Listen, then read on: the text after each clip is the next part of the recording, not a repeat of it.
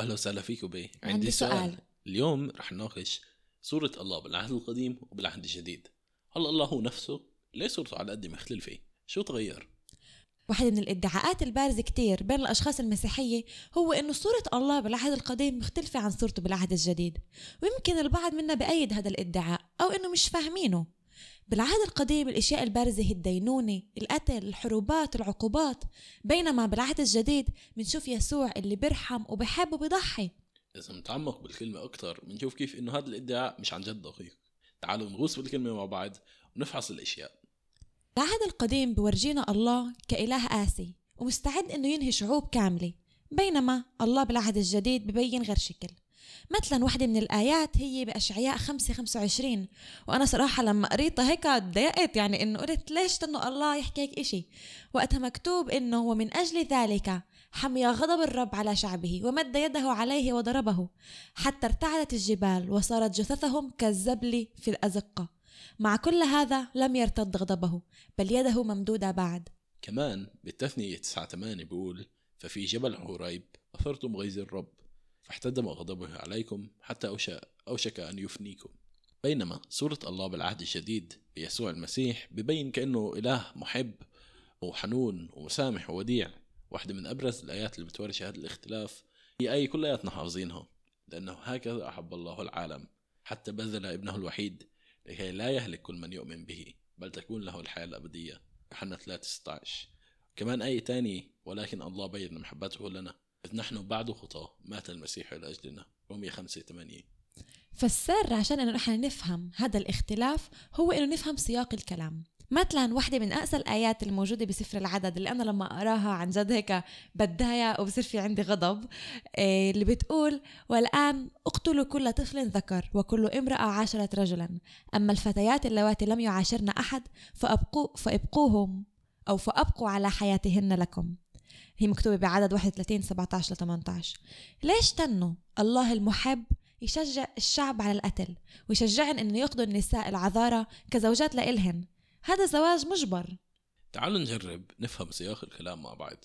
بهذيك الفترة كانوا شعوب كتير كان في الكنعانيين المؤابيين كل الشعوب المجاورة وكلياتهم كانوا بحرب مع بعض.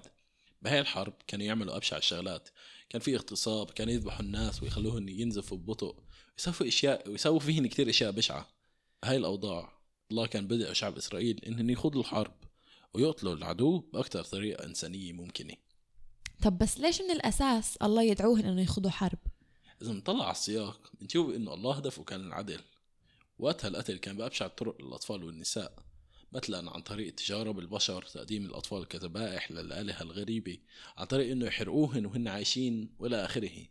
الله هون قلبه مع الضعاف ومع اللي بمرقوا عدم عدل. هاي الشعوب كانت تساوي هاي الأعمال البشعة لكتير وقت. والله وأخيرا بشكل لطيف نسبيا قرر إنه يدينهن. بنشوف هون كيف المديانيين كانوا يحاولوا يخلوا شعب إسرائيل يساوي هاي الأعمال البشعة كمان. وهاي اللي الله جاب دينونة للمديانيين وعدل للأشخاص اللي كانوا يوقعوا ضحايا بهاي الأعمال. طب شو مع النساء؟ ليه انه الله قال لشعب إسرائيل إنه ياخذوا هاي النساء كزوجات لإلهن. حسب قوانين وعادات المديانيين وقتها هاي النساء ما كانوش رح يقدروا يعيشوا ويحصلوا على أرض أو بيت أو يشتغلوا حتى. فإذا إحنا قتلنا كل الرجال باسم العدل إيه، هاي النساء رح يموتوا. موت بطيء نتيجة للجوع والانعزال. كتير مهم لما نقرأ الكتاب المقدس نطلع عليه بعينين الله ومش بعينين عصرنا هاد. يمكن قدرنا نفسر هدلاك الأعداد بطريقة أوضح لما رجعناها للسياق تبعن. بس هذا بغيرش الآيات الكتيرة اللي الله بيحمى غضبه على شعوب وببيدها أو على شعب إسرائيل وبيعاقبه زي مثلا إنه سمح لهم يضيعوا بالصحراء 40 سنة. طب ليش؟ بالعهد القديم الله أعطى الناموس للشعب وكان في كتير عجايب وعلامات واضحة بتدل على قوة أعظم وأكبر من البشر. مثلا الخروج من مصر لما شق البحر الأحمر لما أرسل المان لإطعام الشعب. الشعب شاف كتير عجائب من الله وأفعال اللي هي فوق الطبيعة. قسم منهن آمن فيه وقسم من شعوب أخرى كمان آمنت فيه. مع كل هذا قسم من الشعب ما صدقوهوش وبرضه ما آمنوش فيه. بس في أشخاص اللي شافت كل هاي العجائب ومع كل هاد رفضته أنا بقول إنه هاي الأشخاص مش رح تتبعوا لقدام. مع إنه اختبروا قوة الله لما شق البحر برضه ما وثقوش فيه. معناه إنه ولا مرة رح يثقوا فيه. عقابهن كان لهذا الإشي هو إنه يدوعوا بالصحراء لمدة 40 سنة. حتى اللي ما راح يآمنوا فيه يكبروا ويموتوا قبل ما يفوتوا على أرض الميعاد. طب شو مع قصة حرية الاختيار؟ ليش الله عاقب أشخاص من الشعب اللي قرروا ما يتبعوهاش وخلاهم كلهم يضيعوا بالصحراء؟ هذا الموضوع كتير كبير. رح نحكي عنه بشكل بسيط بهاي الحلقة. بس لقدام رح يكون في عنا حلقة مخصصة لهذا الموضوع. لكن إذا إحنا بنطلع على عهد الله مع شعب إسرائيل بهديك الفترة. نشوف أن الله اختارهن عشان يفرجي حاله من خلالهن حتى كان العهد بينه وبين إبراهيم إنه رح يكون إيه، بركة لكل شعوب الأرض ورح منه يجي المخلص. دعوة شعب إسرائيل كانت إنه يكونوا شهود ل... لله لكل العالم. كان المفروض من هذا الشعب كان المفروض إنه هذا الشعب يكون هو أقرب إشي لله ويكونوا ماشيين معه بس هن قرروا إنه لا وعدم إيمانهن وبعدهن عن الله. أدى لعقاب إلهن بدل ما يكونوا هن شهادة ومحبته. فإذا بدنا نلخص الأشياء اللي حكيناها لحديث إسا هو إنه واحد لما إحنا بنقرأ بالكتاب المقدس بالعهد القديم إحنا مش لازم نتطلع عليه بنظرة العصر تبعنا إسا إنما نقرأه بالسياق تبعه. والتنين إنه إحنا كمان لازم نبحث عن الإشي من نظرة تاريخية ونحاول نفهم العادات والتقاليد القوانين أنواع الحروبات وكل إشي كان وقتها لحتى نقدر نفهم الأعداد بطريقة صح. طب بس يعني هل الله بيورجي محبة بالعهد القديم ولا بس بالعهد الجديد؟ السؤال كتير حلو وعن جد بفكر إنه كلياتنا متخطين فيه بس إحنا لسه إحنا بدنا نحاول نجاوب عليه شوي وممكن لقدام. نتعمق فيه أكتر نتخيل مع بعض الماسي طيب الالماسي عندها كتير أوجه صح وبنقدر نطلع كل مرة عليها من وجه مختلف بس لما بنطلع إحنا عليها بنظرة معينة هذا بقولش إنه هي بطلت الألماسة نفسها إنما شفناها بطريقة مختلفة نفس الشي هيك الله.